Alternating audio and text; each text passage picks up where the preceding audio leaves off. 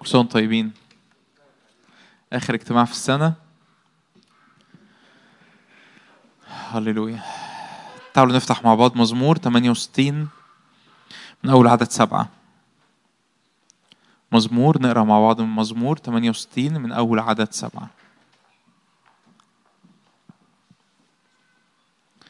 يقول كده داود اللهم عند خروجك أمام شعبك عند صعودك في القفر. الأرض ارتعدت. السماوات أيضا قطرت أمام وجه الله. سينا نفسه من وجه الله إله إسرائيل. مطرا غزيرا نضحت. يا الله ميراثك وهو معيا أنت أصلحته. قطيعك سكن فيه هيأت بجودك للمساكين يا الله. الرب يعطي كلمة المبشرات بها جند كثير. إيه الكلمة اللي الرب بيعطيها؟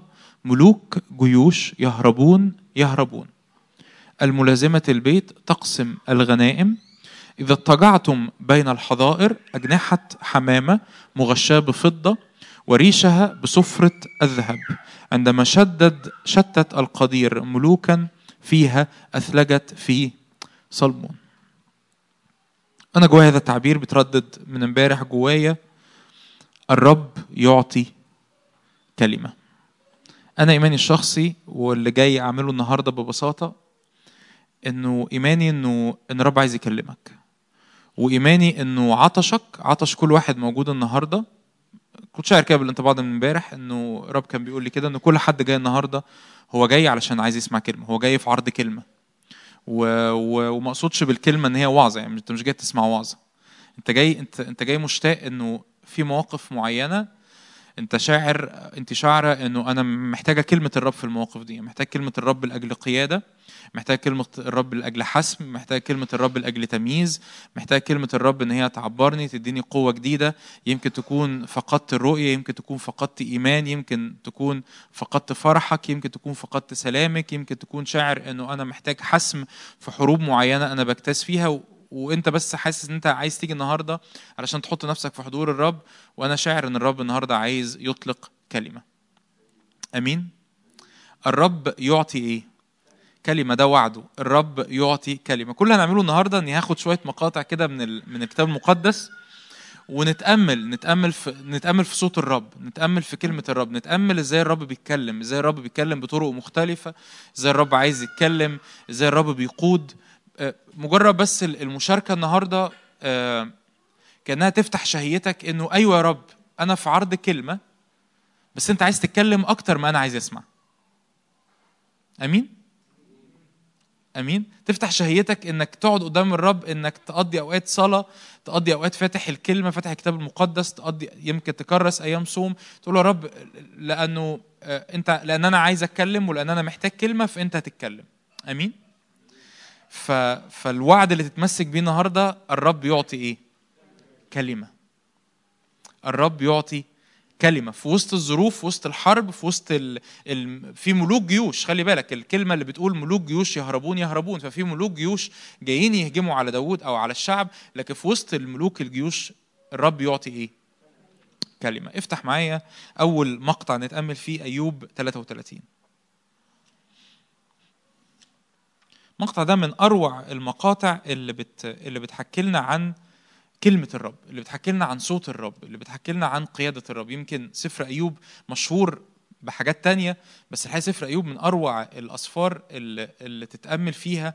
أيوب 11 وأيوب 22 يعني 11 و22 و33 يعني من ألذ الإصحاحات فيهم مقاطع ذهبية تتأمل فيها الرب بيحط فيها كنوز. أيوب 33 من أول عدد 12 هنقرأ المقطع ونتأمل فيه شوية وبعد كده نخش على على اللي بعده. هنا أليه هو اللي بيتكلم وأليه هو ال ال الشخص الوحيد اللي الرب ما وبخوش. ما قالش إن هو قال كلام غلط.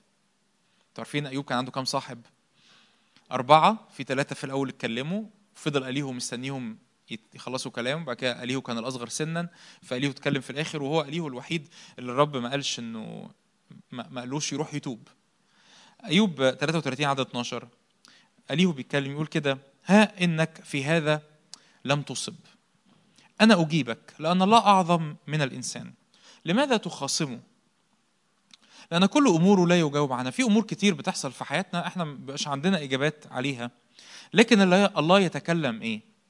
مرة وباثنين لا يلاحظ الإنسان. كتير الرب بيتكلم لينا وإحنا مش بناخد بالنا. في حلم في رؤيا الليل. عند سقوط سبات على الناس في النعاس على المضجع حينئذ يكشف أذان الناس ويختم على تأديبهم.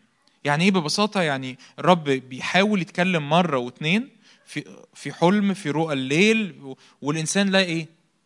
لا يلاحظ. مش مش واخد بالي. مش واخد بالي إن الرب يحاول يقول لي حاجة. مش واخد بالي إن الرب عايز يتكلم. مش واخد بالي إن الرب بطرق مختلفة. زي ما هنشوف بيحاول يتكلم. فالرب يروح فاتح ودنك و... و... وعايز يأدبك. يختم على تأديبهم. يعني الرب موافق. عايز يأدبك. والتأديب ما هياش كلمة وحشة. كلمة تهرب منها. التأديب هو التشكيل. التأديب هو إن إن أي أي ابن لا يؤدبه أبوه. الأب لأن هو أبونا عايز يأدبنا. دي حاجة حلوة. أي أب بيحب ابنه هو بيأدب ابنه. فيختم على تأديبهم. ليه؟ ليحول الإنسان عن عمله ويكتم الكبرياء عن الرجل. هو عايز يحولك عن طرق مش مستقيمة وعايز ينقذك من الكبرياء. ليمنع نفسه عن الحفرة وحياته من الزوال بحربة الموت. عايز ينقذك من حفر عايز ينقذك من فخاخ وحياتك من إن هي تزول بأمور ممكن تكون نتيجتها موت. الكتاب يقول لي علمنا كده في سفر الأمثال توجد طرق الانسان تظهر أنها مستقيمة لكن عاقبتها إيه؟ هلاك عاقبتها هلاك. أيضا يؤدب بالوجع على مضجعه ومخاصمة عظامه دائما يحصل ألم في حياتك. فتكره حياته خبزا فأحس ان أنا مش قادر آكل ونفسه الطعام الشهي فيبلى لحمه عن العيان يعني يعني جسمه حتى يبقى ضعيف جدا بسبب الألم اللي بيعدي بيه. مالكش نفس تاكل مالكش نفس تشرب حاسس إنك حزين الدنيا مش ماشية معاك آلام متعددة بتعدي بيها وهشرح ده كله. وتنبري عظامه فلا ترى. تقرب نفسه إلى القبر ده ده يوصل الألم اللي بيعدي بيه في حياته لدرجة إنه ممكن يكون حاسس إن هو عايز يموت أو هو بيقترب من من الموت. وحياته إلى المميتين إن وجد عنده مرسل وده المفتاح على فكرة على فكرة الآيات دي من أول عدد 23 لحد عدد 28 ده المفتاح بتاع أيوب كله. دي مشكلة أيوب الأساسية. مشكلة أيوب الأساسية انه إنه لم يكن عنده شفيع. دي مشكلة أيوب الأساسية على فكرة. يعني أيوب ما غلطش في حاجة. أيوب أيوب الرب قال إنه الرب شهد عنه إنه أيوب ما غلطش في حاجة. أيوب ما كانش عنده أي مشكلة. مشكلة أيوب الأساسية إنه ما كانش عنده شفيع. إحنا عندنا شفيع. يعني لو حد بيتساءل ليه أيوب عدى باللي عدى بيه لأنه ما كانش عنده شفيع. إحنا عندنا شفيع. أمين؟ حد هنا عنده شفيع؟ وسيط واحد. وشفيع واحد بين إيه؟ الله والناس الإنسان يسوع المسيح. فإن وجد عنده مرسل وسيط واحد من ألف ليعلن للإنسان استقامته. لو في واحد ما بين ربنا وما بين الإنسان يتكلم مع الإنسان ويتكلم مع ربنا يتراءف عليه ويقول. الإنسان ده اللي بيشفع للشخص المتألم بيتراءف عليه ويقول أطلقوا عن الهبوط إلى الحفرة قد وجدت إيه؟ فدية هي أيوب 33 بيحل كل مشكلة أيوب إن إن أيوب ما كانش عنده فدية وأيوب ما كانش عنده شفيع ببساطة حضرتك في العهد الجديد عشان ما تحطش نفسك مكان أيوب حضرتك في العهد الجديد عندك فدية وعندك إيه؟ شفيع يصير لحمه أغض من لحم الإيه؟ ده بيفتدى حياته بتفتدى يصير لحمه أغض من لحم الصبي ويعود إلى أيام شبابه يصلي إلى الله فيرضى عنه ويعاين وجهه بهتاف هللويا فيرد على الإنسان إيه؟ بره يغني بين الناس فيقول ده الشخص اللي كان تنبري عظامه وكان آه، آه، لا يرى لحمه إلى آخره ده يغني بين الناس ويقول. يغني بين الناس ويقول إيه؟ أخطأت وعوجت المستقيم ولم أجاز عليه فدى نفسي من العبور إلى الحفرة فترى حياتي النور المقطع ده من من أروع المقاطع وهاخد منه كده شوية نقطة وأتنقل على المقطع اللي بعده. أول حاجة نتعلمها من المقطع ده إن ربنا عايز يتكلم أكتر ما أنت عايز تسمع. حد هنا مزنوق في كلمة من الرب؟ اطمن. الرب عايز يتكلم أكتر ما أنت عايز تسمع. كنت لسه وأنا ربنا فكرني بحاجة وأنا جاي في السكة. ده ده ربنا كان عايز يتكلم مع موسى اللي ما كانش عايز يسمع. يعني أوقات أوقات الواحد يحس إيه يا رب؟ أنا عايز عايزك تكلمني عايزك تقودني. صح؟ حد هنا؟ رب عايزك تكلمني عايزك تقودني عايزك ترشدني. وأحس ان طب يمكن ربنا يمكن أنا مش سامع كويس يمكن مش واخد بالي. كم حد قبل كده هنا قال يمكن مش واخد بالي؟ كلنا. يمكن مش واخد بالي يمكن مش مميز يمكن متشتت يمكن الحرب عليا. أيوب يطمنك جدا جدا. اليه يطمنك بالروح القدس جدا. يقول لك الرب يتكلم مرة واثنان والإنسان لا إيه؟ طب لو أنت مش واخد بالك في حلم في رؤى الليل. أفكرك الرب اتكلم مع موسى اللي ما كانش مستعد إنه يطيع. فكان بالحري أنا وإنت لما تكون إنت كل قلبك تجاه الطاعة وتجاه الخضوع لهذه الكلمة بأمان تقول لي طب وأنا أعرف منين؟ ما أنا يمكن القلب أخدع من كل شيء وهو نجيس. أيوه أنا والرب عارف ده بس قلبك اللي اللي بيميل قدام الرب اللي, اللي مقرر إن أنا مش هاخد خطوة إلا لما الرب يتكلم إنه قلبك اللي بيقول يا رب أنا محتاج قيادتك قلبك اللي بيقول يا رب أنا محتاج أنا الرؤية آه، آه، عليها عليها ضباب وعليها تشتيت وفي ضعف في حياتي وحاسس إن أنا فقدت الشغف وأنا محتاج رؤية جديدة ومحتاج إعلان جديد ومحتاج قيادة جديدة. كل ده ثق 100% إن الرب بيتكلم مرة واثنين ومش وأكيد هم مش مرة واثنين بس مره مرة واثنين وثلاثه وعشرة. وكتير حتى لا إيه لا نلاحظ وخلي بالك هو هنا بيتكلم مش عن حالة إنسان عايز يسمع. ليه؟ لأنه بيقول لك ده ده في عدد 16 يكشف أذان الناس ويختم على تأديبهم ليحول الإنسان عن عمله ويكتم الكبرياء عن الرجل. ده هنا ده, ده المقطع ده بيشاركنا عن واحد مش عايز يسمع. ورب بيعمل معاه إيه؟ بيكلمه مرة واثنين في حلم في رؤى الليل. فأول حاجة أتأمل فيها في المقطع ده اول حاجة تطمنك في في الحتة دي إن الرب عايز يتكلم. فاطمن. فاهدى ريلاكس. لما تقعد قدام الرب تقول له يا رب قدني لو انت مش شاعر ان في كلمة خاصة من الرب يبقى الرب ما اتكلمش. طب هو الرب ما اتكلمش الرب مش شايف؟ لا الرب شايف. بس ال... بس الرب يمكن شايف انه مش وقته انه يتكلم. يمكن مش وقته انه يتكلم في الأمر ده. يمكن بيتكلم في حاجة تانية. يمكن بيتكلم عن أمور تانية انت مش مش مش مستنينه يتكلم فيها لكن هو بيتكلم عن أمور تانية. يعني طب افرض أنا غبي لدرجة ان أنا افقد مقاصد الرب ما تقلقش. الاوبشن ده مش موجود. لأن الرب هيتكلم إيه؟ مرة وده موسى اللي كان بيعاند مع الرب ربنا كلمه. موسى اللي قال له بص يا سيد ارسل بيد من ترسل. طب أنا هبعتك. طب أنا مش عايز أتكلم. طب أنا ما بعرفش أتكلم. طب أنا مش رايح. طب هم هيسمعوني يسمعوني يقولوا له إيه؟ هي هيقولوا لي أنت اتكلمت مع مين؟ مين اللي اتكلم معاك؟ طب أنا لو رحت لهم مش هيصدقوني. كل الأعذار دي في الآخر ربنا برضه كان بيعمل إيه معاه؟ كان بيكلمه. فلما تقف قدام الرب وتطلب تطلب كلمة تطلب إن الرب يقودك ثق إن الرب عايز يعمل إيه؟ يتكلم. تاني حاجة أتعلمها من الحتة دي إن الرب بيتكلم طرق كتير. الرب ما عندوش آه، نقص في طرق كلمته. رب يتكلم من خلال الكتاب المقدس وهرجع للكتاب المقدس في النقطة اللي بعدها. رب يتكلم من خلال الكتاب المقدس.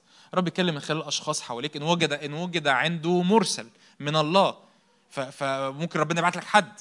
ممكن ربنا يبعت لك آه، آه، مكالمة تليفون رسالة على الواتساب. واحد يفتكرك مرة واحدة وتعرفش افتكرك ليه ولا ولا حلم بيك الحلم ليه. ممكن رب يديك انت شخصيا حلم. ممكن رب يديك انت شخصيا رؤية تشوف مشهد داخلي. خلي بالك أنا عايز أقول لك كمان انتبه انتبه لأربع حاجات. انتبه لمعاملات الرب. بيقول لك هنا إيه؟ بيكشف أذان الناس. انتبه لمعاملات الرب. انتبه لما تشعر إنه آه، الرب بي في إيه عمالة تتكرر قدامك. انتبه انك كنت حاضر اجتماع مثلا من أسبوع وبعد كده حضرت اجتماع الأسبوع ده أو سمعت وعظه على الإنترنت وبعد كده بتسمع وعظه النهارده وتحس إنه إنه في في توبيك أو في موضوع عمال يتكرر. انتبه لأنه الرب ليه معاملات معانا. انتبه إنك ممكن تبقى نايم و و و وتصحى على ترنيمة. أو أنت بتصلي أو أنت بتصلي وتفتكر آية. تفتكر في مشهد كده حتى لو ما هواش مشهد يعني بالألوان وحاجة طويلة لكن صورة مجرد صورة كده تعدي قدام عينك وفي خيالك وانت مغمض عينك. انتبه لأن الرب عايز يتكلم. عايز أقول لك كمان آه انتبه لأوجاع الحياة. عايز أقول لك حاجة الراجل ده كان حالته إيه؟ يكتم الكبرياء عن الرجل. فالراجل ده كان حالته الرب عايز ينقذه من أعمال. الرب عايز ينقذهم من طرقه. اوعى تكون أوقات كتير بننتظر القيادة بالطريقة بتاعتي. يا رب باركني. وأنا مستنيك وعد بالبركة. وأنا شايف إن كل حاجة في حياتي ضد البركة. انتبه. في أوقات محتاجين ننتبه. لأن ممكن أكون ماشي في سكك غلط. والسكك الغلط لا تقود للبركة. وفي انعدام للبركة في حياتي. هو أنا ليه مش فرحان؟ انتبه. كتاب العهد الجديد قال كده ولا تحزنوا الايه الروح. هو أنا ليه الشركة ما بيني وما بين الرب مقطوعة؟ انتبه. هو أنا ليه صحتي ما بقتش زي الأول؟ انتبه. طبعا مش كل واحد عيان يقول بسبب لا مش بقول لك كده بس انتبه. ليه حالتي النفسية بقى لي فترة كئيب؟ انتبه. انتبه لإيه؟ إن ممكن يكون الرب ببساطة الفرح م... م... م... أنت مش مستمتع بيه، الشركة مش مستمتع بيها، لا الرب ب... أنت م... ال... ال... الطبيعة الإلهية اللي كنا بنتكلم عنها الأربع اللي فات مش فعالة فيك لأن أنت ماشي بره الشركة بتاعت الروح القدس. فانتبه. فرب يقول لك كده إيه ده, ده, ده على المضجع بيتألم يحاول الانسان يمنع نفسه عن الحفرة وحياته من الزوال بحربة الموت يؤدب يؤدب بالوجع على مضجعه أنا أنا ليه النوم طاير من عيني انتبه انتبهي. يمكن يكون في طرق غلط يمكن يكون في طرق معوجة. وكتير بسبب يعني ده كلنا. أنا مش مش بقول لك يعني ده مش جاي وعظك ده كلنا. كتير بنبقى متكبرين. من من من من من ثلاث أشهر كنت بصلي لأجل حاجات معينة وبعد كده مرة واحدة الرب عمل معايا مقابلة كده قال لي اللي أنت بتعدي فيه ده بسبب كبرياء معين بسبب حاجة معينة أنا بعملها. ما كانش في حاجة وحشة حصلت بس الرب واجهني. بس خلي بالك إن أوقات كتير ممكن تكون مش واخد بالك. ممكن تكون ليه؟ لأن أنا بشكل ما متكبر في حاجة معينة أو شايف إن أنا ما بغلطش أو شايف إن لا أنا كل طرقي تمام أو أنا منتظر البركة بشكل معين. يا رب تعالى بارك لي الشغلانة دي. والرب مش عايز يبارك الشغلانة دي. ممكن تكون مش طريق الرب. فانتبه انتبه للي, بيحصل حواليك. حاجة تانية انتبه حاجة ثالثه انتبه ليها. انتبه لإرشاد المحيطين المؤمنين. لازم يبقى لازم يبقى في صوت لاولاد الرب في حياتك. والصوت ده ما اقصدش بيه الوعظات. لازم يبقى في صوت لأشخاص روحيين انت بتثق فيهم. ليه؟ مفيش حد كبير على الغلط. مفيش حد كبير على التوهان. مفيش حد كبير انه إنه ي... لا لا أنا بسمع وعظات آه، روحية كده عالية وطي... ماشي. لازم يكون في أشخاص تثق فيهم روحيين يقدروا يواجهوك تقدر تواجههم يقدروا يقولوا انطباعات معينة حاسين. على فكرة أنا دي بركة. دي بركة إن تلاقي واحد يجي يقول لك هو بيحبك وأنت بتحبه وأنتوا في علاقة قوية مع بعض بتصلوا مع بعض في شركة ما بينكم بشكل أو بآخر ويقول لك أنا أنا حاسك يا جون إنك متغير بقالك فترة. أنا حاسك حاسك بقتش تحب الرب زي زمان. يجي واجه كده في مرة يقول لك على فكرة جون انت انت عليت صوتك وانت بترد على فلان. انت كنت كنت عصبي وانت بتعمل الموقف الفلاني. يجي واحد يجي يقول لي انت على فكرة الوا... انت ما كنتش محضر الوعظه كويس. أنا محتاج صوت لناس روحيين. ما هو ده المرسل اللي وقف ما بين الشخص وما بين الرب. ف ف ف ف في في في الجزء الأولاني ده أو في في الحتة الأولانية ده عايز أقول لك كده إن الرب دايما عايز إيه؟ يتكلم. الرب بيتكلم بكل الطرق ما تخافش. بس عايز أقول لك كمان إيه؟ انتبه. انتبه لثلاث حاجات. انتبه لمعاملات الرب شخصيا. انتبه لأمور ممكن تكون سلبية حاصلة في حياتك. وحط عليه علامة استهواء. ليه حاصل؟ ليه حاصل غياب البركة؟ ليه حاصل غياب الفرح؟ ليه حاصل غياب للسلام؟ ده مش طبيعي. لو انت مؤمن ابن للرب ده مش طبيعي. ثمر الروح ثم الطبيعي اللي خارج من العلاقة الشخصية مع الروح القدس هو محبة وفرح وسلام وطول أناة وداعه ولطف وصلاح وإيمان وتعفف. ده الطبيعي. ده ثمر. يعني إيه ثمر؟ يعني نتيجة تلقائية لشركة الروح. فده طبيعي. فلو في حاجة لو في حاجة من دول غايبة بقالها فترة أو أو حبه منهم غايبين بقالهم فترة لا محتاج تقف وقفه يمكن يمكن يكون في خطية. أوقات أوقات على فكرة أنا برضو مش بلومك لأنه أوقات أوقات في ناس بتبقى جداد في الإيمان وجداد في العلاقة مع ربنا ممكن تبقى في حياته خطية مصيبة سودة في حياته ومش عارف إن هي خطية. بس تميز منين إن هي خطية؟ إن في حزن. إن الأمر ده كل ما بتمارسه في في حزن. أنت حاسس إن أنت شارك شرك الشركة ما بينك وبين الروح القدس بتنقطع. وانتبه كمان لإيه؟ لصوت المؤمنين الأتقياء اللي أنت محوط نفسك بيهم. آمين؟ افتح معايا المقطع الثاني بطرس الثانية إصحاح واحد. آيات مشهورة.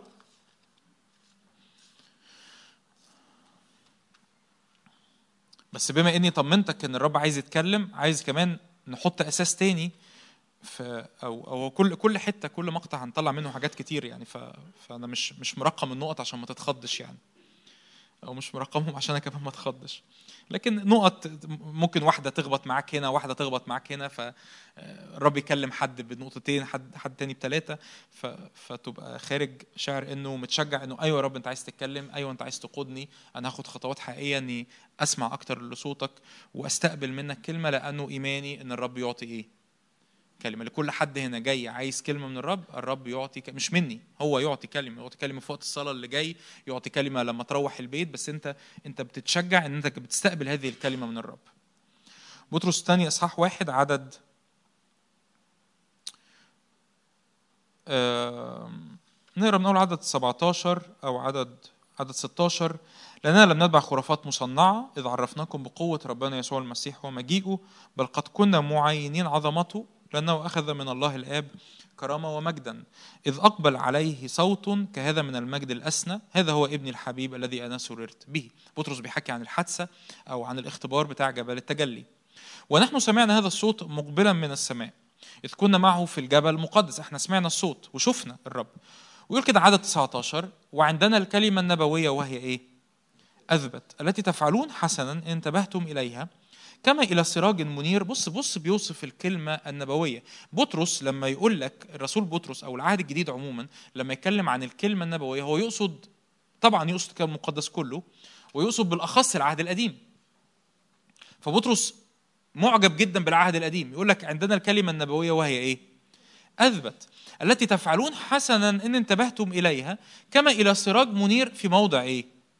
مظلم. يعني الكلمة بالنسبة لك زي ما داود يقول في مزمور 119 هي سراج منير في موضع إيه؟ سراج لرجلي كلامك ونور لإيه؟ لسبيلي. أنا عايز أقول لك حاجة إن إن إن أقولها إزاي؟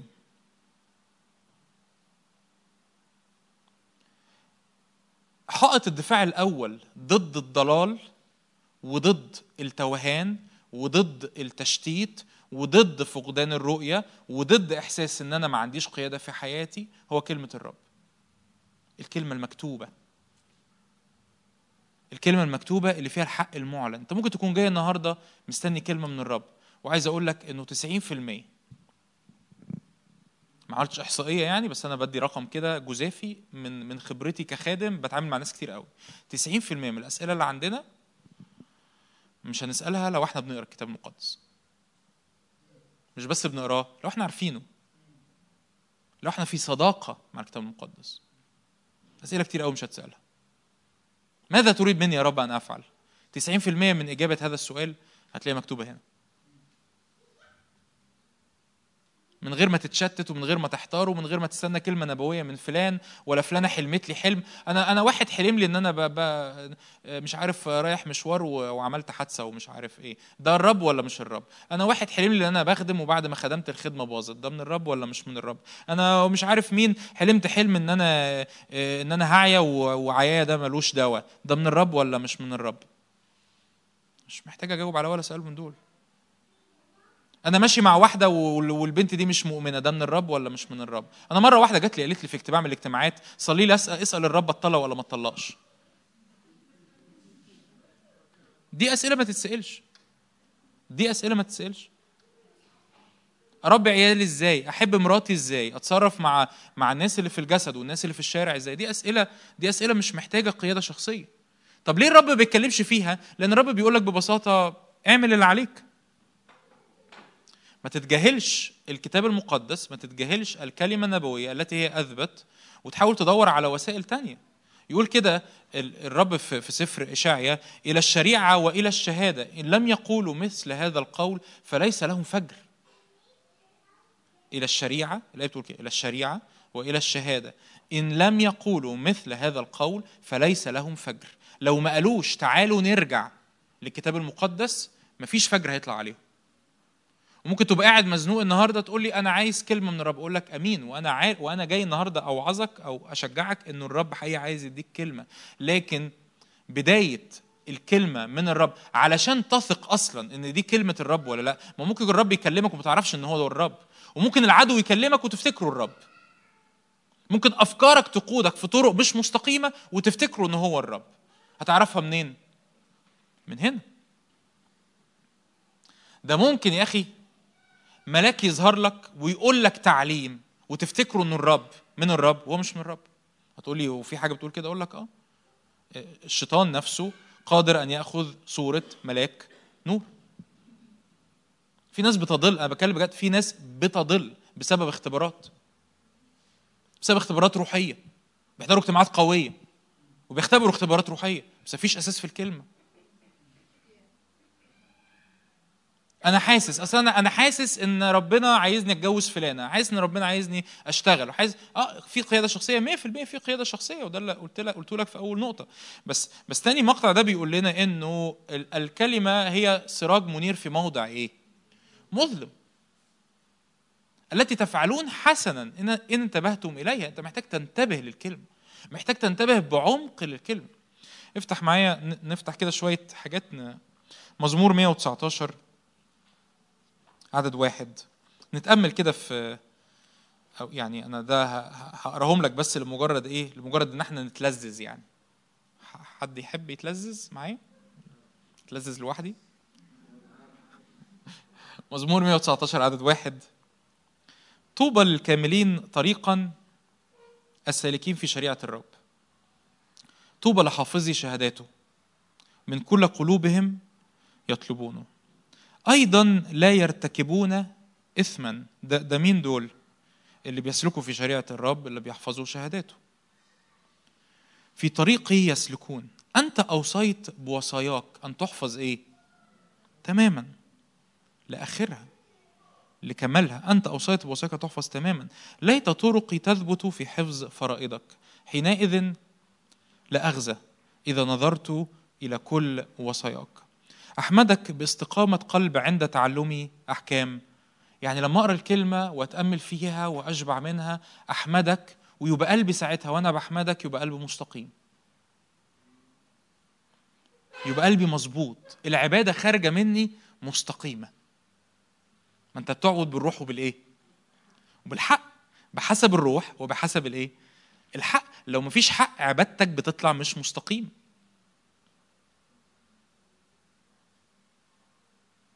عبادتك بيبقى فيها نفسنا كتير. ما بتبقاش بالروح. لو مشاعري حلوة بعبد لو مشاعري مش حلوة ما بعبدش. لو المزيكا سخنتني هعبد. لو المزيكا ما سخنتنيش كفاية فهعبد نص نص. فأنا مش بعبد بالروح وبالحق. إمتى بعبد الرب باستقامة قلب؟ عند تعلمي أحكام إيه؟ عدلك. وصاياك أحفظ لا تتركني إلى الغاية لأني بحفظ وصاياك الرب مش هيسيبني أبدا. نط معايا مقطع تاني ميم عدد 97 عدد 97 كم أحببت شريعتك؟ اليوم كله هي لهجي. إيه اللي, إيه اللي بردده؟ يعني إيه لهجة؟ لهجة يعني ترديد بصوت. إيه اللي عمال أردده طول اليوم؟ شر... تقول لي إزاي إزاي أكون بسلك بالروح؟ أقول لك ردد ايات ده مفتاح صغير قوي السلوك بالروح. أبسط واحد فيهم. إزاي أشعر بكونكشن مع الرب أوقات طويلة؟ ردد آيات. احفظ آيات من الكتاب المقدس ورددها كتير وقولها كتير وقولها فيها كتير. وصيتك جعلتني أحكم من أعدائي. مين هنا عايز يبقى أحكم من أعدائه؟ أعداء اللي هم أرواح الشر اللي هم إبليس العالم الجسد. عايز تبقى أحكم من جسدك؟ عايز تبقى أحكم من إبليس؟ عايز تبقى أحكم من أرواح الشر؟ إيه اللي يجعلك أحكم من أرواح الشر؟ آه موهبة تمييز الروح. يقول لك صح موهبة تمييز الروح تجعلك أحكم من من أعدائك.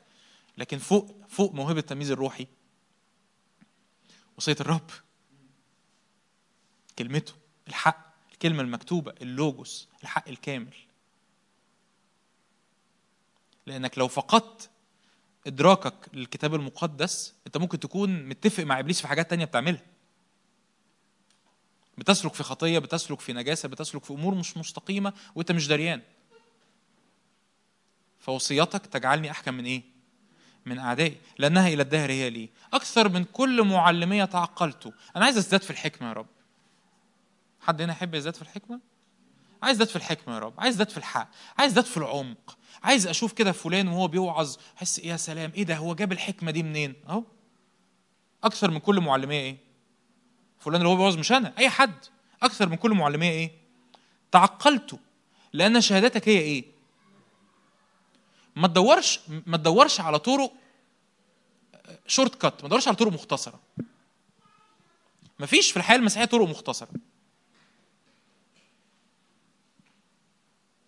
اتصدمتوا؟ ما فيش في الحياة المسيحية طرق مختصرة. أكثر من كل معلميه تعقلته لأن الخادم بيصلي بوضع اليد لا لأني بحضر اجتماعات نارية. لا. نؤمن بالوضع بوضع اليد نؤمن بالاجتماعات النارية. لأني بسمع بشغل تسبيح في العربية 24 ساعة. لا. لأني بتكلم مع مشير. لا. كل ده حلو حلو أكثر من كل معلميه تعقلته لأن إيه؟ شهاداتك هي إيه؟ بتقعد قدام بتقعد قدام الكتاب المقدس كام ساعة في اليوم؟ بلاش في اليوم كام ساعة في الأسبوع؟ بتقرأ كم اصحاح في اليوم؟ عايز تتعقل؟ عايز تزداد في الحكمة؟ عايز تزدادي في التمييز؟ عايزه تزدادي في سماع صوت الرب؟ أهو. أنا بتكلم أنا بتكلم أنا بتكلم يعني إيه؟ يعني فلات يعني على بلاطة. أنا بتكلم على بلاطة. مفيش أبسط من كده. أهو. إلى الشريعة وإلى الشهادة إن لم يقولوا مثل هذا القول فليس لهم فجر. ده انت ممكن تسمع كلمة وما تميزهاش. ممكن تسمع ضلال وتصدقه. أكثر من الشيوخ فطنته. يا يا رب يا سلام لما بقعد مع الشخص الفلاني أو الخادم الفلاني عنده خمسين أو عنده ستين سنة وبحس مليان حكمة ومليان إعلان ومليان نضوج ومليان خبرة و... أهو أكثر من الشيوخ إيه؟ فطنت لأني حفظت وصاياك ده وعد. ده وعد في كتاب مقدس. زي الرب اللي الرب رعاية فلا يعوز شيء. في وعد في كتاب مقدس بيقول أكثر من الشيوخ فطنت لأني حفظت إيه؟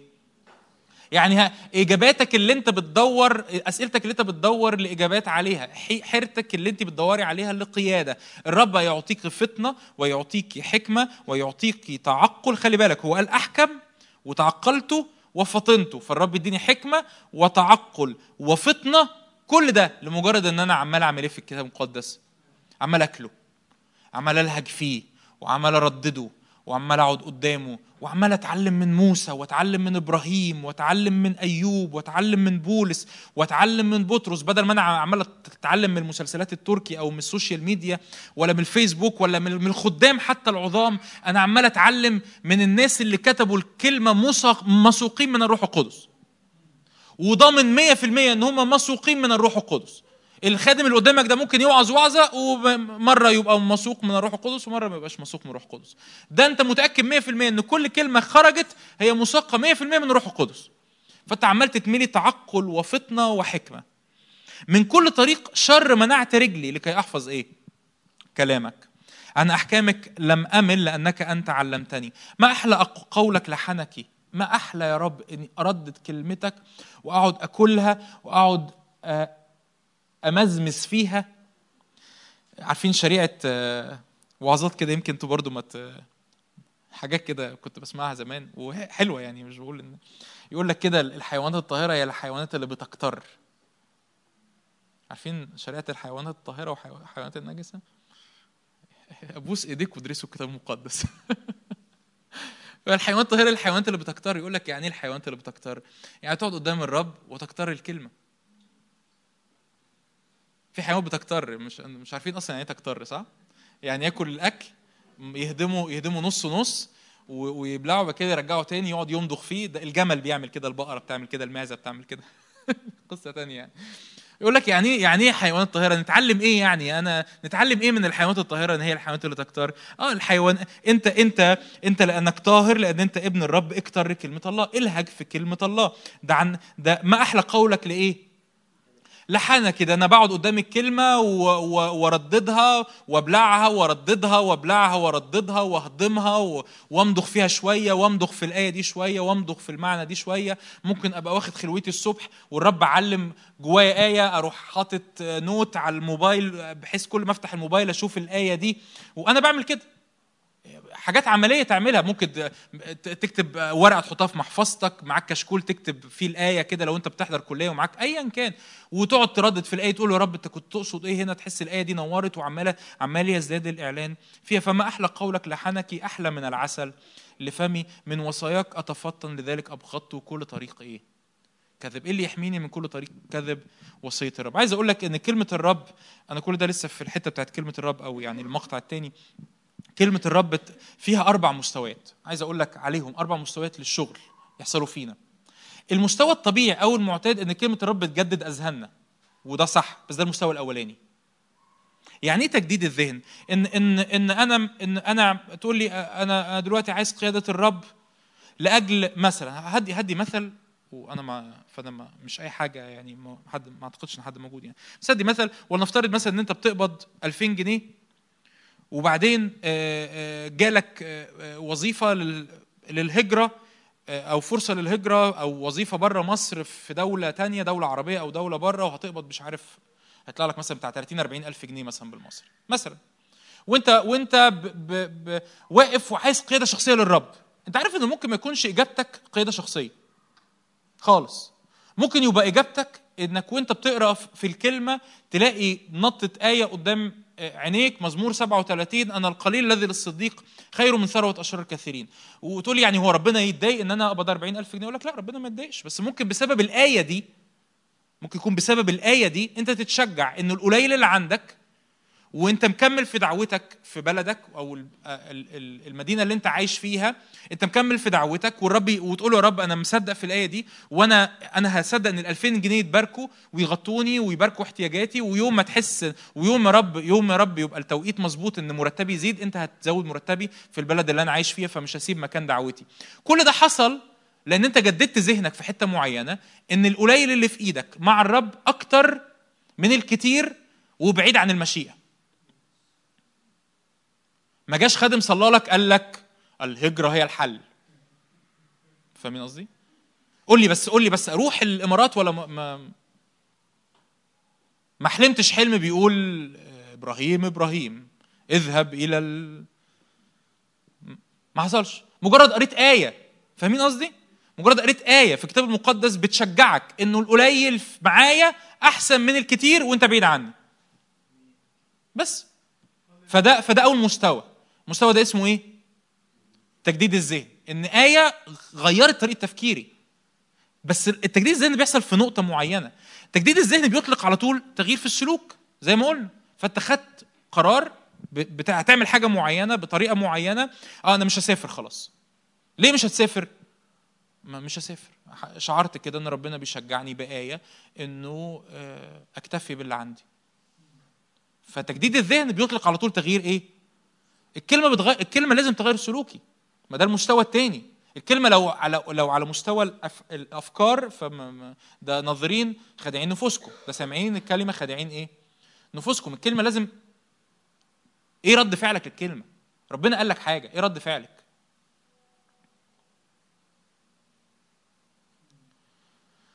ربنا قال لك لما لما تيجي تقدم قربانك لو لو افتكرت إن لاخوك شيء عليك اترك قربانك على المذبح واذهب اولا صالح مع أخيك.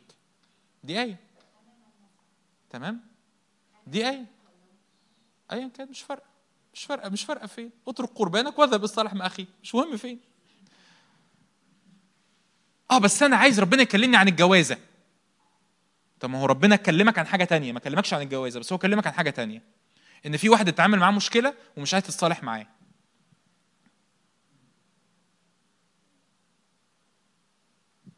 كون أمين في القليل. رب يأتمنك على الإيه؟ على الكثير. اترك قربانك وروح اذهب اصطلح مع أخيك. تالت حاجة إن ال... إن تالت مستوى الكلمة بتعمله إن قلبك بيبقى كنز. إن القصة ما بقتش إن أنا عندي شوية أفكار عن ربنا ما أنا عندي شوية أفكار ذهني اتجدد فيها وعندي أفكار تانية ذهني إيه؟ ما اتجددش فيها. عندي شوية سلوكيات اتظبطت وعندي شوية سلوكيات ما اتظبطتش. تالت مستوى الكلمة بتعمله إن قلبي يقول كده. كل كاتب متعلم في ملكوت السماوات يشبه رجلا رب بيت يخرج من كنزه جدد وإيه؟ أنت بقيت حكيم. ده المستوى الثالث إن إن طريقة رؤيتك للأمور عارفين لما لما تحس عارفين يعني أوقات في ناس تقول لك إيه؟ آه بس في آية بتقول كذا وفي آية ما بتقولش كذا وفي آية بتقول كذا وفي آية بتقول صح يعني ده, ده, مستوى. بس في مستوى تاني إن أنت بقيت بتميز لأنه حتى لو أنت مش فاكر الآية بس فكر الرب بقى مليك وده اللي الرسول بولس يقول أما نحن فلنا إيه؟ فأنت ما بقتش واقف هو في آية بتقول نشرب خمرة في العيد ولا ما نشربش؟ ساعات أنا حقيقة بشوف بوستات على الفيسبوك أوقات بحس إن إحنا يا جماعة وإحنا وإحنا عايزين مفتي يعني يعني زي ما في مفتي الديار المصرية عايزين مفتي الأقباط المصريين. هو في آية بتقول طب ما في طب على فكرة فيش آية بتقول ما تشربش سجاير. هتشرب سجاير؟ في آية ب... ما فيش آية بتقول ما تتخشش على مواقع إباحية. هتخش على مواقع إباحية؟ فاهمين فاهمين عايز أقول إيه؟ أنت بقى قلبك على بعضه بقى قلب إيه؟ حكيم زي ما كنا بنقرأ أتعقل أتفطن أبقى أكثر حكمة. أنت بقيت حكيم بقيت عارف تميز. بقيت عارف تميز إن ممكن يكون مفيش آية في ش...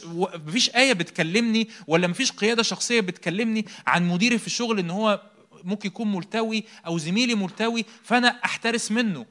بس أنا بقيت حكيم. بقيت عارف أميز إنه إنه إنه مش أي كلام يتقال قدام أي حد لأن ممكن يكون في حد عايز يأذيني. ده اتعلمته من فين؟ مش من المسلسلات الهندي. من هنا. من هنا. أنا كنت لسه يعني أنا بقرأ تكوين. لسه بخلص تكوين امبارح أول امبارح. كمية قصص تكوين.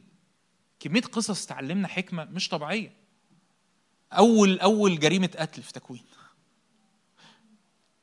يعقوب وهو بيتعامل لبان وهو بيتعامل مع يعقوب. يعقوب وهو بيتعامل مع مراتاته. كمية قصص رحيل وهي مخبية الأوثان بتاعت أبوها ونايمة عليها الدهاء وال... هو هم هم نفس البني آدمين يعني. التكوين ده اتكتب إمتى؟ 3 4000 سنه هم هم نفس البني آدمين. يعني اوقات أوقات ناس كده تتعامل مع كتاب تحس كتاب قديم يعني. قديم إيه؟ هم هم نفس البني آدمين بنفس الدهاء بنفس الخبث بنفس الشر بنفس النجاسة بنفس الدوافع اللي مش مظبوطة. ولما بيتبعوا الرب هم هم نفس التغييرات اللي بتحصل فيهم نفس التقديس ونفس التبرير ونفس المحبة للرب. ف فأتمنى إنه تحب الكلمة أكتر.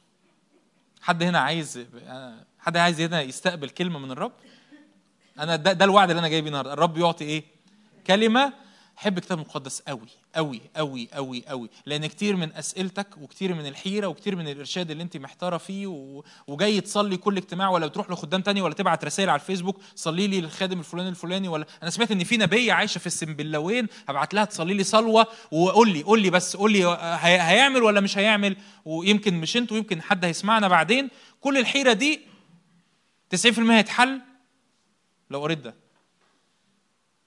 آمين. ثالث آه، مقطع نقرأه مع بعض. صمويل الثاني خمسة. مش بس تقراه انت تقرأ الكتاب وتحبه وتاكله وتقتر فيه ويبقى أحلى من العسل لحنكك أحلى من الشهد وتتأمل فيه وتتعلم منه ولما يبقى عندك خزين تتملي بالحكمة وتبقى مشابه للرب يسوع فكر المسيح يملاك ولما فكر المسيح يملاك تتزنق في موقف وتقول يا ترى هو هو أنا دلوقتي بعدي بظروف شبه اللي موسى عدى بيها؟ يا ترى موسى عمل إيه؟ يا ترى صمويل عمل إيه؟ يا ترى داوود عمل إيه؟ يا ترى الرب يسوع كان بيتصرف إزاي؟ صمويل الثاني خمسة عدد 17 وسمع الفلسطينيون أنهم قد مسحوا داود ملكا على إسرائيل. فصعد جميع الفلسطينيين ليفتشوا على داود ولما ساد مع داود نزل إلى الحصن. وجاء الفلسطينيون وانتشروا في وادي الرفائيين. وسأل داود من الرب قائلا أصعد إلى الفلسطينيين؟ أتدفعهم ليدي؟ فقال الرب لداود اصعد لأني دفعا أدفع الفلسطينيين ليدك. جاء داود إلى بعل فرسيم وضربهم داود هناك وقال قد اقتحم الرب أعدائي أمامك اقتحام المياه. لذلك دعا اسم ذلك الموضع بعل فرسيم وتركوا هناك أصنامهم فنزعها داود ورجاله. ثم عاد الفلسطينيون فصعدوا أيضا وانتشروا في وادي الرفائيين. سأل داود من الرب لذيذ داود جدا. كل مرة بيعمل إيه؟ بيسأل وعلى فكرة أنت ممكن تتتبع تدرس صمويل الأول وصمويل الثاني وتعد كم مرة داود سأل من الرب. كتير هتلاقيه كتير فعلا. أنا كنت مرة كاتب العدد بس يعني مش فاكره دلوقتي. قال لا تصعد. الله يا رب ده أنت عملت انتصار. خلي بالك المنطق يقول إيه؟ المنطق يقول إنه إحنا الرب قال قبل كده نصعد ولا لا نصعد؟ نصعد. هو نفس العدو.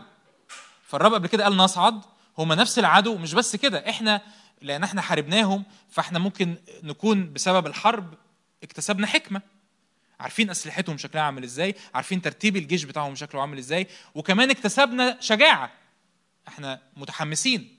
لأن إحنا انتصرنا قبل قبل كده فهم بالنسبة لنا عدو مهزوم. هم جايين مكسورين. إحنا جايين ال ال ال يعني ال الروح المعنوية بتاعتنا مرتفع أكتر لأن إحنا انتصرنا في الحرب قبل كده. فبس داود لا داود مصمم يسأل الرب. أصعد؟ قال له لا لا تصعد.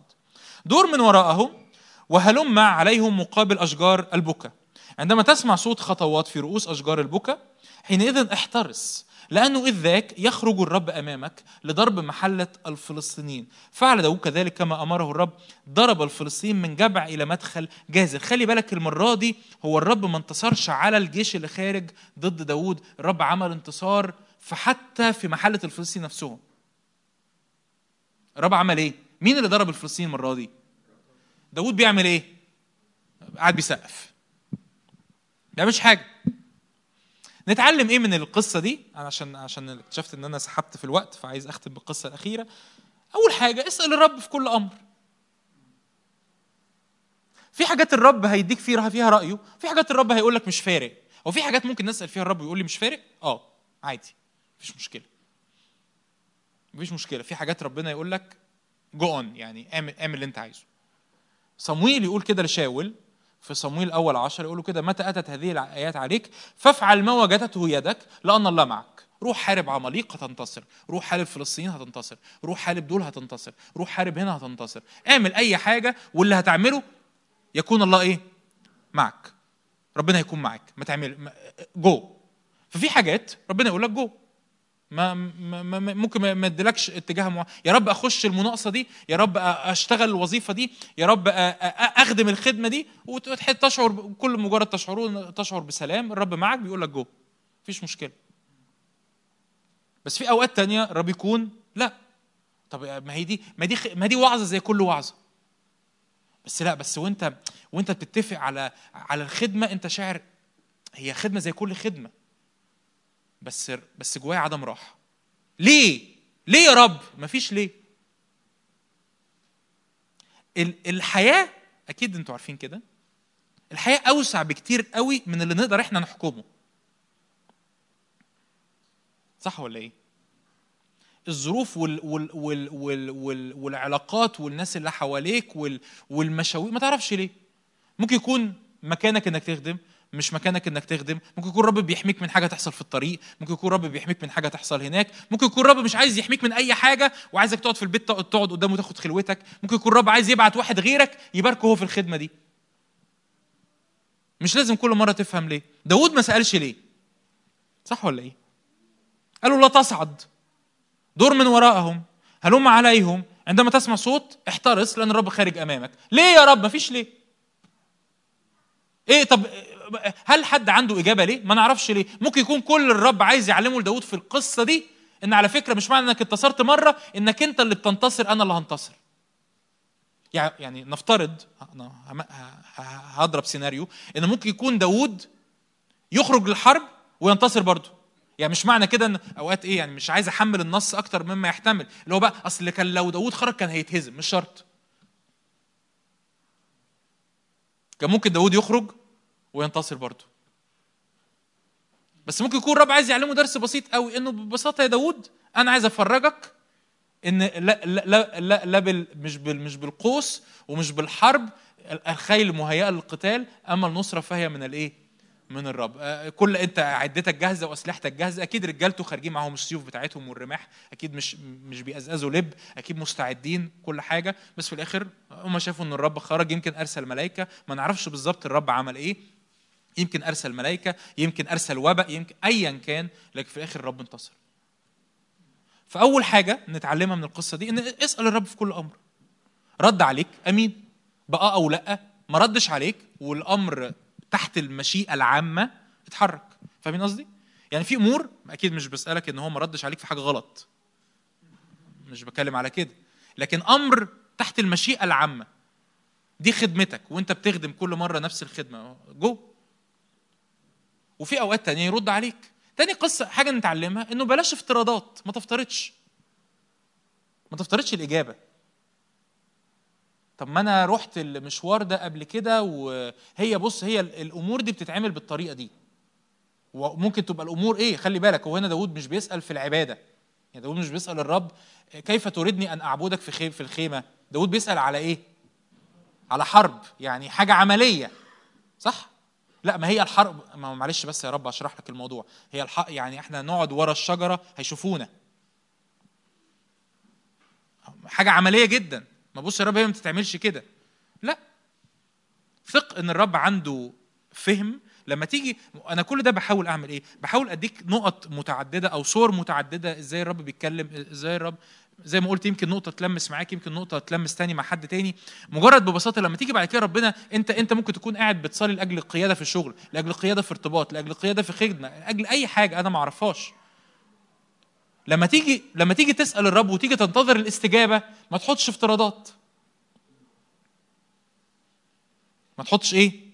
طب ما أنا لما سافر لما اشتغلت الشغلانة اللي فاتت وعملت ال interview وقالوا لي كذا قلت لهم كذا ووافقوا. خلاص بقى يبقى وهم أنا واخد كورسات HR وأنا عارف إن الدنيا بتمشي كده.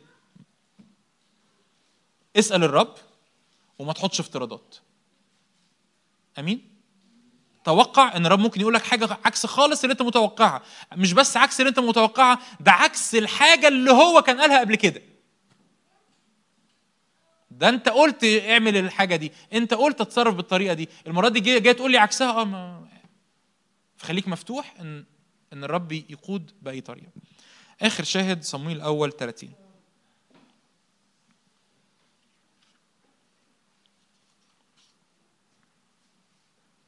قصة مشهورة عايز أختم بيها. لما جاء داود ورجاله إلى صقلغ في اليوم الثالث كان العمالقة قد غزوا الجنوب وصقلغ. وضربوا صقلغ وأحرقوها بالنار. وسبوا النساء اللواتي فيها لم يقتلوا أحد لا صغيرا ولا كبيرا بل سقوهم ومضوا في طريقهم فدخل داود ورجاله المدينة وإذا هي محرقة بالنار. المدينة اللي كان داود قاعد فيها وسايب فيها مراتاته وعياله كل رجالته العمالقة خرجوا على المدينة حرقوها بالنار وسابوا كل الستات والأطفال. وخلي بالك خلفية مهمة في القصة دي إن داود أصلا ترك صقلغ بره مشيئة الرب. داود لم يكن في مشيئة الرب لما خرج من صقلغ. ليه؟ لأن داود كان رايح يساعد أخيش ملك الفلسطينيين في حربه ضد شعب إسرائيل. يعني داود مخطئ ولا مش مخطئ؟ 100% من غير تفكير من غير ما ما فيهاش دي إسأل ربنا.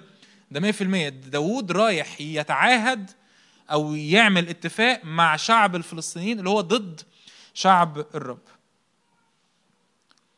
فعدد أربعة رفع داود والشعب الذين معه أصواتهم وبكوا حتى لم تبقى لهم قوة للبكاء. قعدوا يبكوا. وسبيت امرأة داود أخي نعم اليزرعيلية وأبي جايل امرأة نبال الكرملي. فتضايق داود جدا لأن الشعب قالوا إيه؟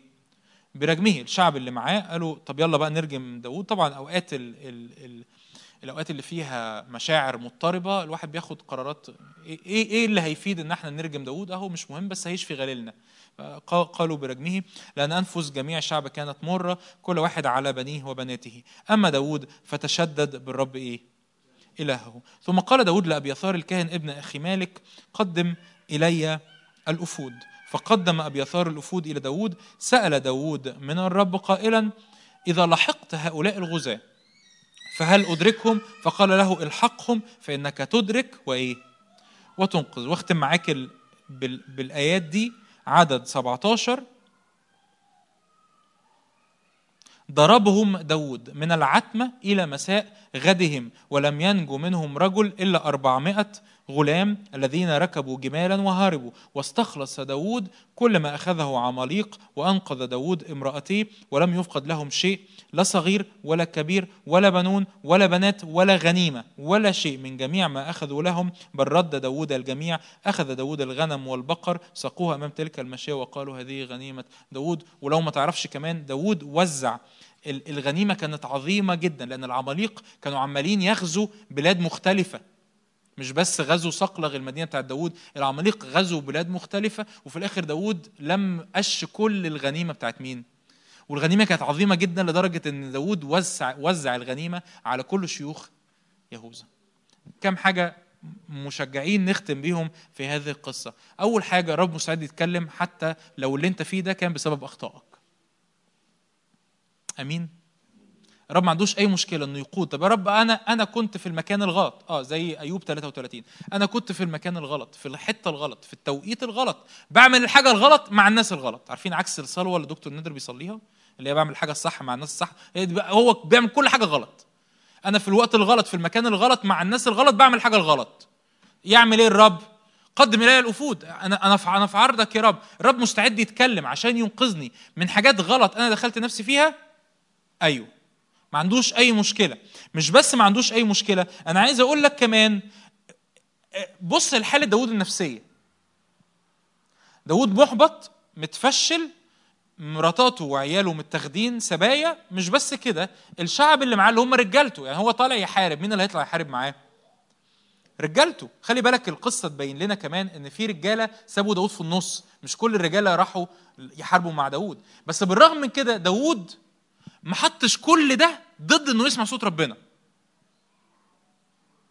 أنت أوقات بنحس إنه الحالة النفسية صعبة جدا لدرجة إن أنا مش قادر أسمع صوت ربنا. عايز أقول لك عايز أشجعك أشجعك إنه مفيش حالة نفسية أعلى من صوت ربنا. فأنا بالرغم من حالة داوود النفسية بالرغم من هت يعني عايز تقول لي داوود كان متشتت؟ تفتكروا كان متشتت ولا لأ؟ طب كان حاسس بالذنب؟ طب كان حاسس بالاحباط طب كان حاسس بالخيانه من رجالته؟ ده حاسس بكل المشاعر السلبية. حاسس بالذنب للقرار اللي أخده. متشتت؟ أكيد. خيانة من رجالته؟ أكيد. إحباط وفشل؟ أكيد. حزن على على على الناس اللي اتسابوا؟ حزن من رجالته؟ أكيد. إيه كم المشاعر السلبية دي؟ لكن داود حط قدامه حاجة واحدة بس إن الرب ينفع يتكلم بالرغم من المشاعر السلبية. وإحنا جايين النهارده في هذه الليلة بنقول له كده انه إنه يا رب أنت كلمتك أنت تعطي كلمة. الرب يعطي إيه؟ كلمة. فما تحطش ابدا الحواجز النفسية ما بينك وبين الرب. ما تفترضش. لا أصل أنا أصل أنا محبط فأكيد مش هسمع صوت ربنا. ليه؟ أكدتها ليه؟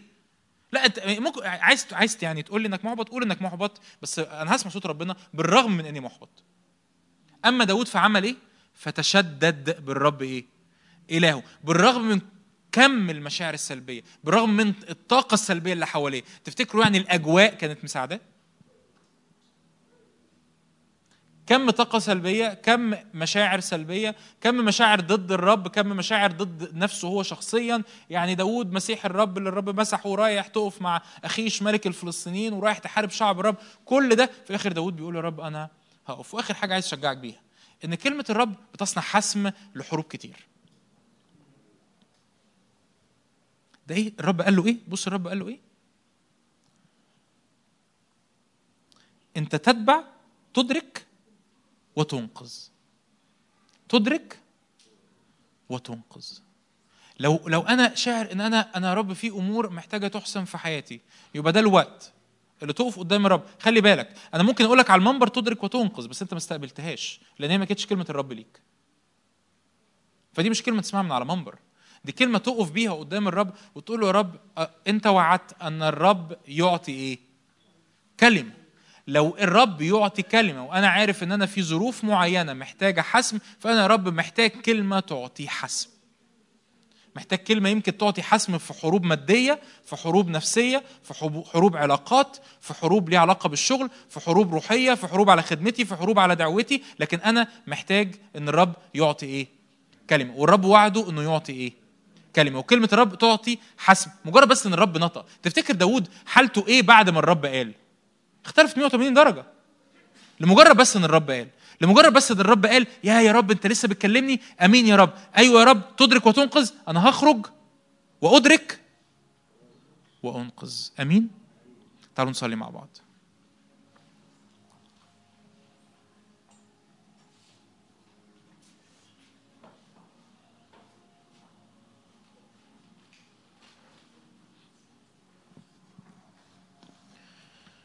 أنا عايز نردد تاني الآيات دي. نعم يا رب الرب يعطي كلمة. المبشرات بها جند كثير. ملوك ملوك يهربون. هللويا. نعم يا رب أشكرك. أشكرك. أشكرك لأنك تملانا بكلمة. مش بس كلمة بكلمات. ممكن تقول لي أنا مش محتاج كلمة واحدة أنا محتاج حاجات محتاج كلمات تحسم ومحتاج كلمات تقود ومحتاج كلمات تجدد الإيمان وتجدد الرؤية ومحتاج كلمات تنعشني ومحتاج كلمات تفرحني. أمين أمين. الرب ما عندوش أي مشكلة. ده ده, ده لما بيعطي كلمة مبشرات بها جند كثير. رب أشكرك لأنك تملانا بكلمة. يفتح لي السيد الرب أذنا لاسمع كالمتعلمين قول رب افتح لي ودان افتح لي ودان افتح وداني. افتح قلبي. افتح عينيا قدني يا رب في هذا الموسم وإحنا بنختم سنة وبنبتدي سنة جديدة. قول يا رب نعم ما صمويل حالة صمويل إن كانت كلمة الرب عزيزة في تلك الأيام لكن بسبب وجود صمويل بسبب وجود الشخص اللي مستعد إنه يسمع عاد الرب فيتراءى في شيلوه. قول يا رب أشكرك لأني لأنه أنا عايز أسمع ومش بس أنا عايز أسمع لكن أنت عايز تتكلم ولأنك عايز تتكلم فأنت تعطي كلمة. يا رب أنا بصلي لينا بصلي حتى الوقت العبادة اللي جاي إنه إنه إنه تعطي كلمات هنا لشعبك. يا رب أعطي كلمات تعطي قيادة تعطي حكمة تملانا بالتمييز تملانا بالصوت الإلهي تملانا زي سبط يساكر كده لمعرفة ما ينبغي أن يفعل إسرائيل. يا رب نتملي بكلمات لما ينبغي أن نفعل لكيف ينبغي أن نتحرك لكيف ينبغي أن نسلك. في اسم الرب يسوع. أفكرك أيوب علمنا إن إحنا يجب أن ننتبه ننتبه لأمور كتير. إن الرب دايما عايز يتكلم وبيتكلم بطرق كتير. فثق. مزمور 119 الكلمة بتعقلك وبتفطنك وبتملأك بالحكمة.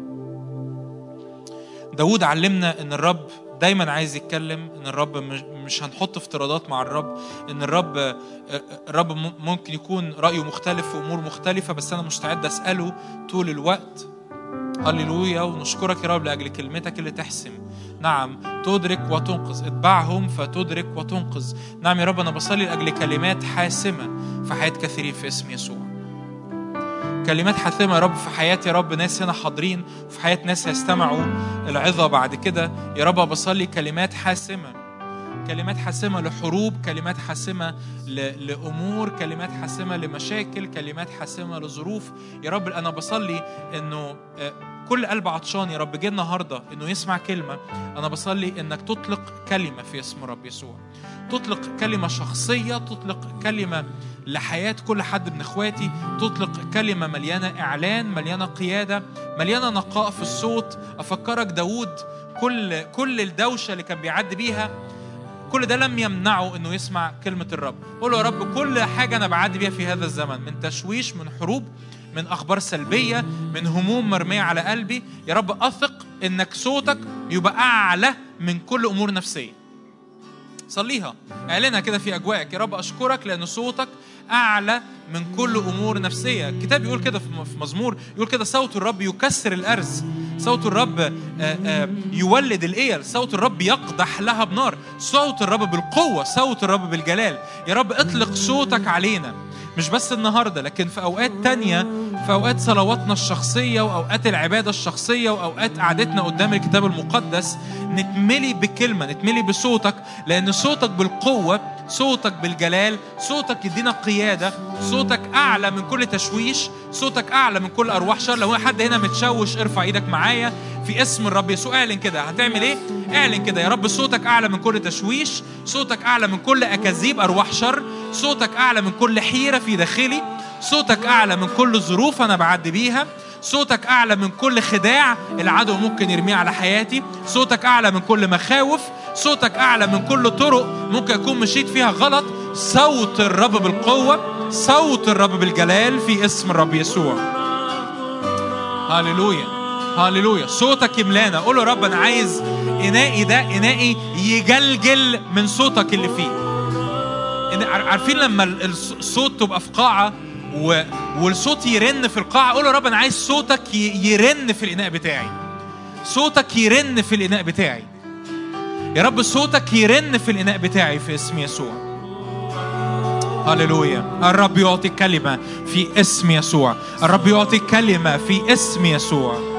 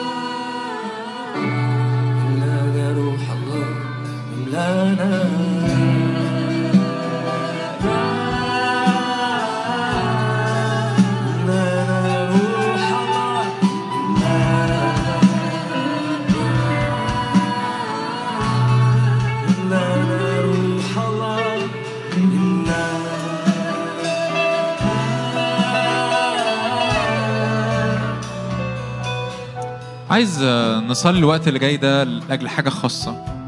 الآيات بتاعت عمالة تردد جوايا الآيات بتاعت أيوب 33 الوجع اللي في المضجع. الظروف مش هقلبه الدنيا مش ماشية. وفي مشاكل كتير والدنيا جوه مش مستريحة وبره مش مستريحة. عايز أقول لك بس اوعى اوعى تكون مش منتبه. اوعى تكون بتحاول تحارب أوقات بنحاول إيه يعني يعني بص يا رب الدبان ده إيه هش الدبان. يقول يا حبيبي الدبان ملموم على حاجة مش نقية. فاهمين فاهمين اقصد إيه؟ أوقات كتير بيبقى الدبان ملموم لأن في حاجة مش مظبوطة. مشاكل ودوشة وهيجان وغياب للبركة وغياب للنجاح وغياب للفرح وغياب للسلام في البيت وفي الشغل وفي العلاقات وفي الخدمة. شاعر كان في في أمر يعني صلي معايا كده قول يا رب اختبرني واعرف قلبي امتحني واعرف أفكاري. تعالى شاور يا رب تعالى شاور. انت محتاجين الأوقات دي قدام الرب يعني محتاج محتاج في وقت كده إنك تكشف قلبك قدام الرب وقول له بص يا رب أنا مستعد إنك تتكلم. أنت مش بس يا رب تتكلم بالبركة وتتكلم بالنجاح وتتكلم إن كل حاجة تبقى تمام. لا تعالى اتكلم. انظر إن كان فيا طريقا باطلا واهدني طريقا ابديا. دي صلاة كتابية مزمور 139 صلوها. صليها معايا. صليها غمض عينك كده وصليها معايا. قول يا رب اختبرني واعرف أفكاري. امتحني واعرف أفكاري. انظر إن كان فيا طريقا باطلا واهدني طريقا ابديا. لأن ممكن ده يكون إحدى الطرق اللي الرب بيحاول يتكلم بيها. بيقول لك انتبه خلي بالك بص حواليك الدنيا مش ماشية. الدنيا ما فيهاش بركة. الدنيا ما فيهاش أنا مش بتكلم عن مشكلة واحدة حصلت وخلاص لا في باترن في نمط.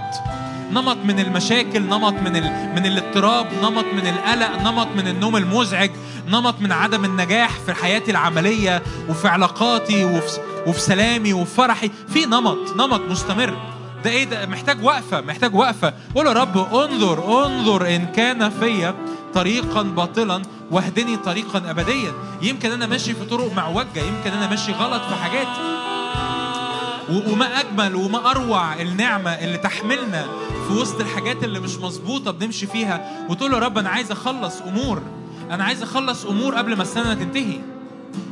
يمكن في ناس أنا محتاج أغفر لهم يمكن في ناس محتاج أعتذر لهم يمكن في علاقات محتاجة أظبطها يمكن في ناس أنا أسأت ليهم يمكن في أمور معينة في, في, في فلوسي وفي عشوري محتاج أتوب عنها. يمكن في خطايا محتاج أتوب عنها. يمكن في سلوكيات معينة. طريقة تفكير معينة متأصلة فيا. بفكر بطريقة معينة. وطريقة التفكير دي ضد كلمة الله. قول يا رب تعالى كده اختبرني واعرف قلبي. امتحني واعرف أفكاري. وانظر إن كان في طريقا باطلا. واهدني طريقا ابديا. معلش أنا قبل قبل قبل الترنيمة اللي جاية. أنا عارف بس عارف الصلوات دي في اجتماعنا مش متعودين عليها قوي.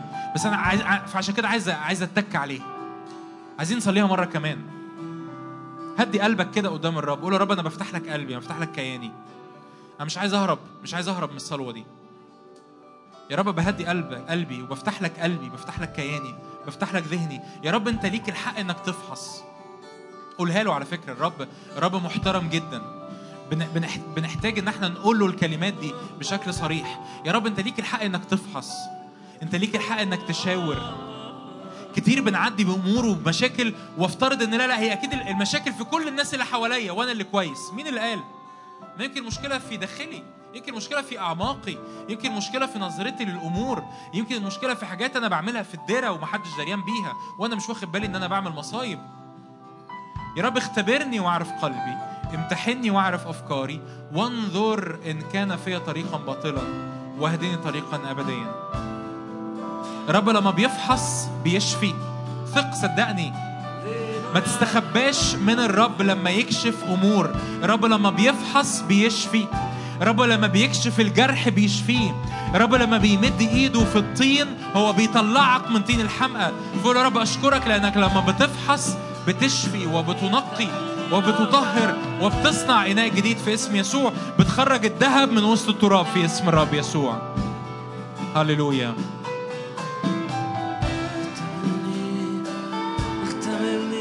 نعم اختبرني اختبرني اختبرني. اختبرني. يا الله. اختبرني.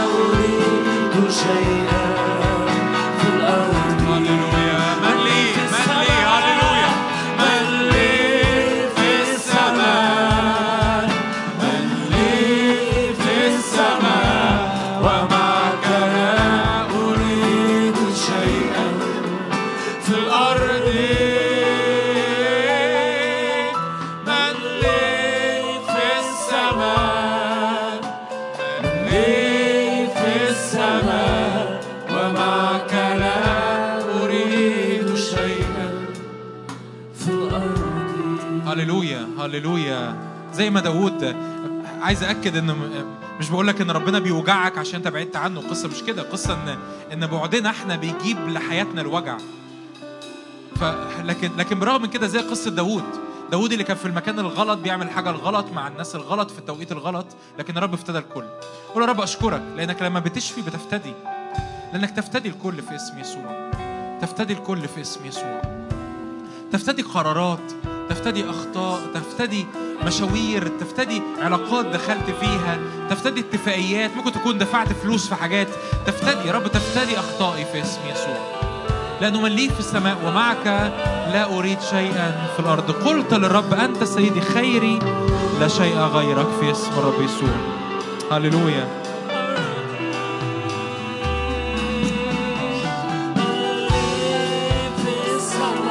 من لي في السماء.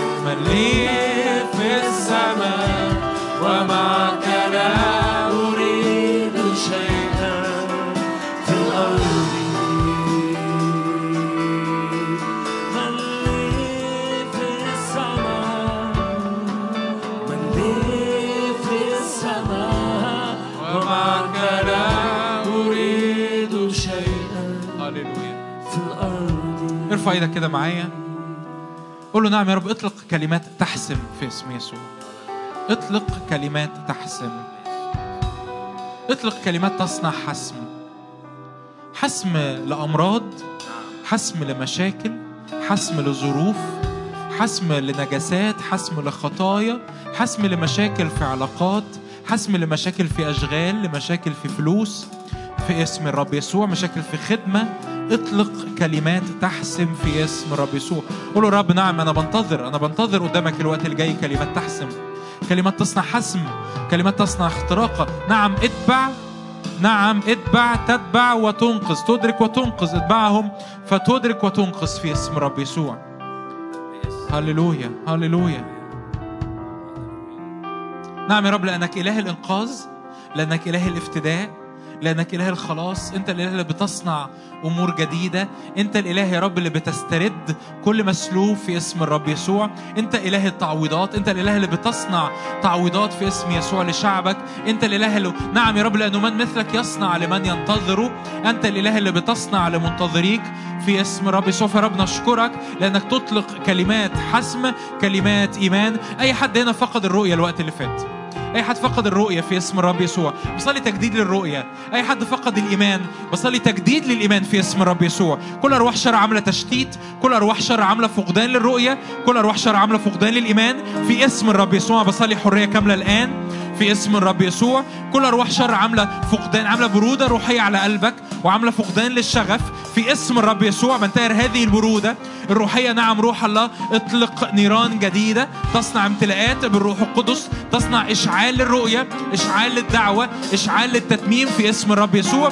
أي حد هنا بيخدم الرب الوقت اللي فات وشاعر بمقاومة بالذات في الأمور المادية؟ نعم في اسم الرب يسوع. الرب يقول كده اطلب اولا ملكوت اللي هو بره وهذه كلها تزاد ليك في اسم الرب يسوع. نعم يا رب أشكرك لأن الرب يعطي كلمة المبشرات بها جند كثير في اسم الرب يسوع. تعطي كلمات بالبركة تعطي كلمات بالفرح تعطي كلمات بالسلام وتعطي كلمات بالافتداء في اسم الرب يسوع. في اسم يسوع. قوم سبح الرب إيمان. قوم ارفع إيدك هللويا هللويا.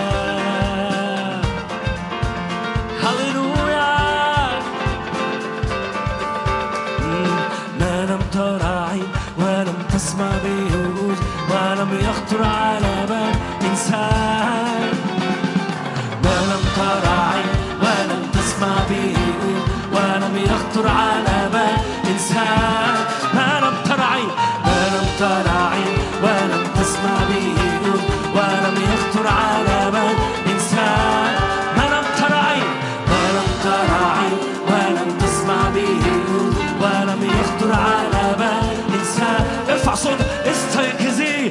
استيقظي استيقظي يا زراع الرب بس قوة. المسيح قوة يا ذراع الرب استيقظي استيقظي يا ذراع الرب البسي قوة. المسيح قوة يا ذراع الرب استيقظي استيقظي يا ذراع الرب البسي قوة. المسيح قوة يا ذراع الرب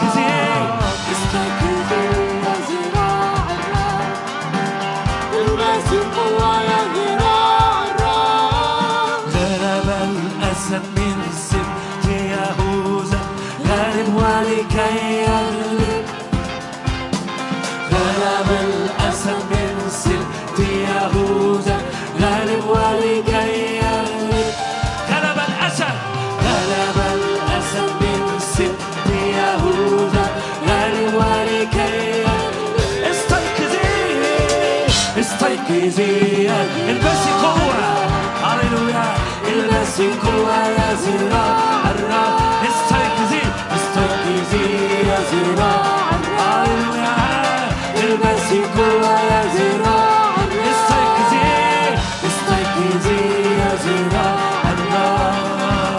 الرب البسي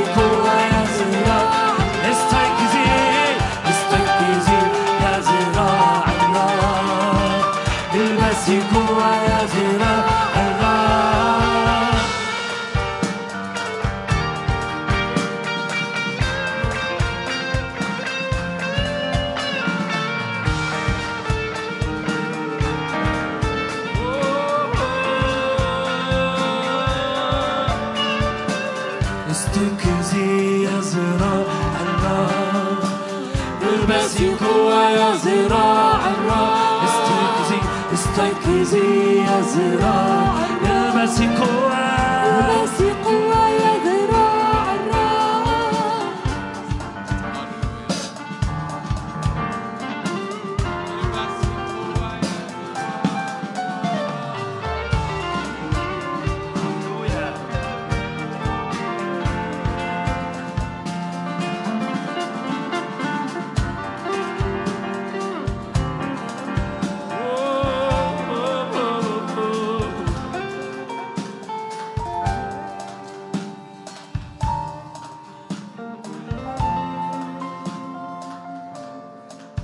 يسوع بنختم اجتماعنا قول له نعم يا رب أشكرك لأنك تتكلم مرة واتنين في حلم في رؤى الليل. ما تقولش بقى ولا يلاحظ الإنسان ما تقولهاش. قول له يا رب أنت تتكلم مرة واتنين وفي حلم وفي رؤى الليل. تعطي لي أذن لأسمع كالمتعلمين في اسم يسوع. نعم يا رب ودان مفتوحة عيون مفتوحة قلوب سامعة خاضعة في اسم رب يسوع. هللويا هللويا. أنت الكلمة. أنت الإله اللي بتتكلم. أنت خالق. أنت خالق الأفواه. ألا تتكلم؟ نعم يا رب أنت تتكلم. أنت تقود. الرب يعطي كلمة. المبشرات بها جند كثير في اسم الرب يسوع. في اسم يسوع. جوايا الكلمات دي. قوم سبح الرب قول الكلمات دي بإيمان. الرب وضع على البحر حد. الرب وضع على البحر حد قوم سبح الكلمات دي قول هللويا الرب وضع على البحر حد هللويا هللويا. هللويا. وضعت البحر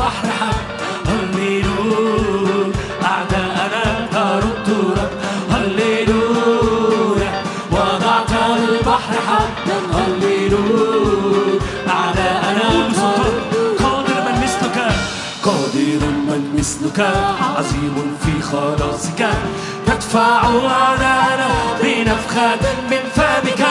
قدير من مثلك نهاية. الرب يعطي نهاية. اهتف من فمك. هللويا. هللويا. وضعت على البحر حدا. هللويا. أعداءنا ترد ردا. هللويا. البحر حدا هللويا استقبل بالروح أعداءنا ترد أزرعك أزرعك من تحتنا. غطاء مجدك فوقنا. أنت لنا من مثلنا. نهتف. هللويا. أزرعك من تحتنا. غطاء مجدك فوقنا. أنت لنا اهتف قول هللويا. نهتف. هللويا هللويا.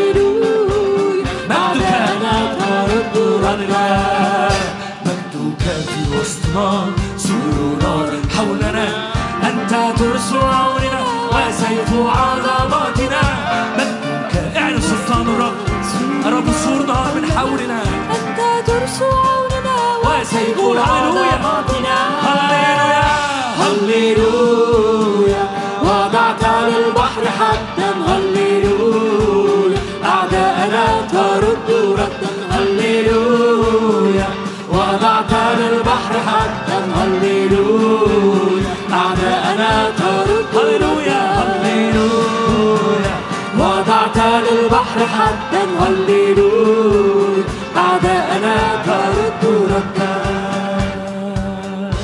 نعم يا رب نشكرك لأنك تغطي أيامنا حياتنا استيقاظنا ونومنا بكلمتك في اسم الرب يسوع. نعم يا رب هللويا هللويا. تعطي كلمات. أؤمن ده إيماني. أنا جاي بهذه الرسالة. هي دي الرسالة اللي جوايا. الرب يعطي كلمات كثيرة في الوقت اللي جاي في اسم يسوع. كل كلمة أنت محتاجها لأجل حسم. كل كلمة محتاجها لأجل قيادة. كل كلمة مح- محتاجها لأجل إرشاد. كل كلمة محتاجها لأجل تجديد إيمان لأجل تجديد رؤية لأجل مسير في دعوة. في اسم الرب يسوع الرب يعطي كلمات كثيرة. في اسم الرب يسوع. تعطي كلمات كثيرة.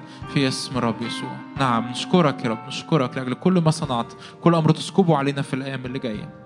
محبة الله الآب نعمة ربنا يسوع المسيح شركة وقوة وصوت الروح القدس فينا وعلينا من الآن وإلى الأبد في اسم الرب يسوع. آمين. آمين. وكل سنة طيبين. آمين.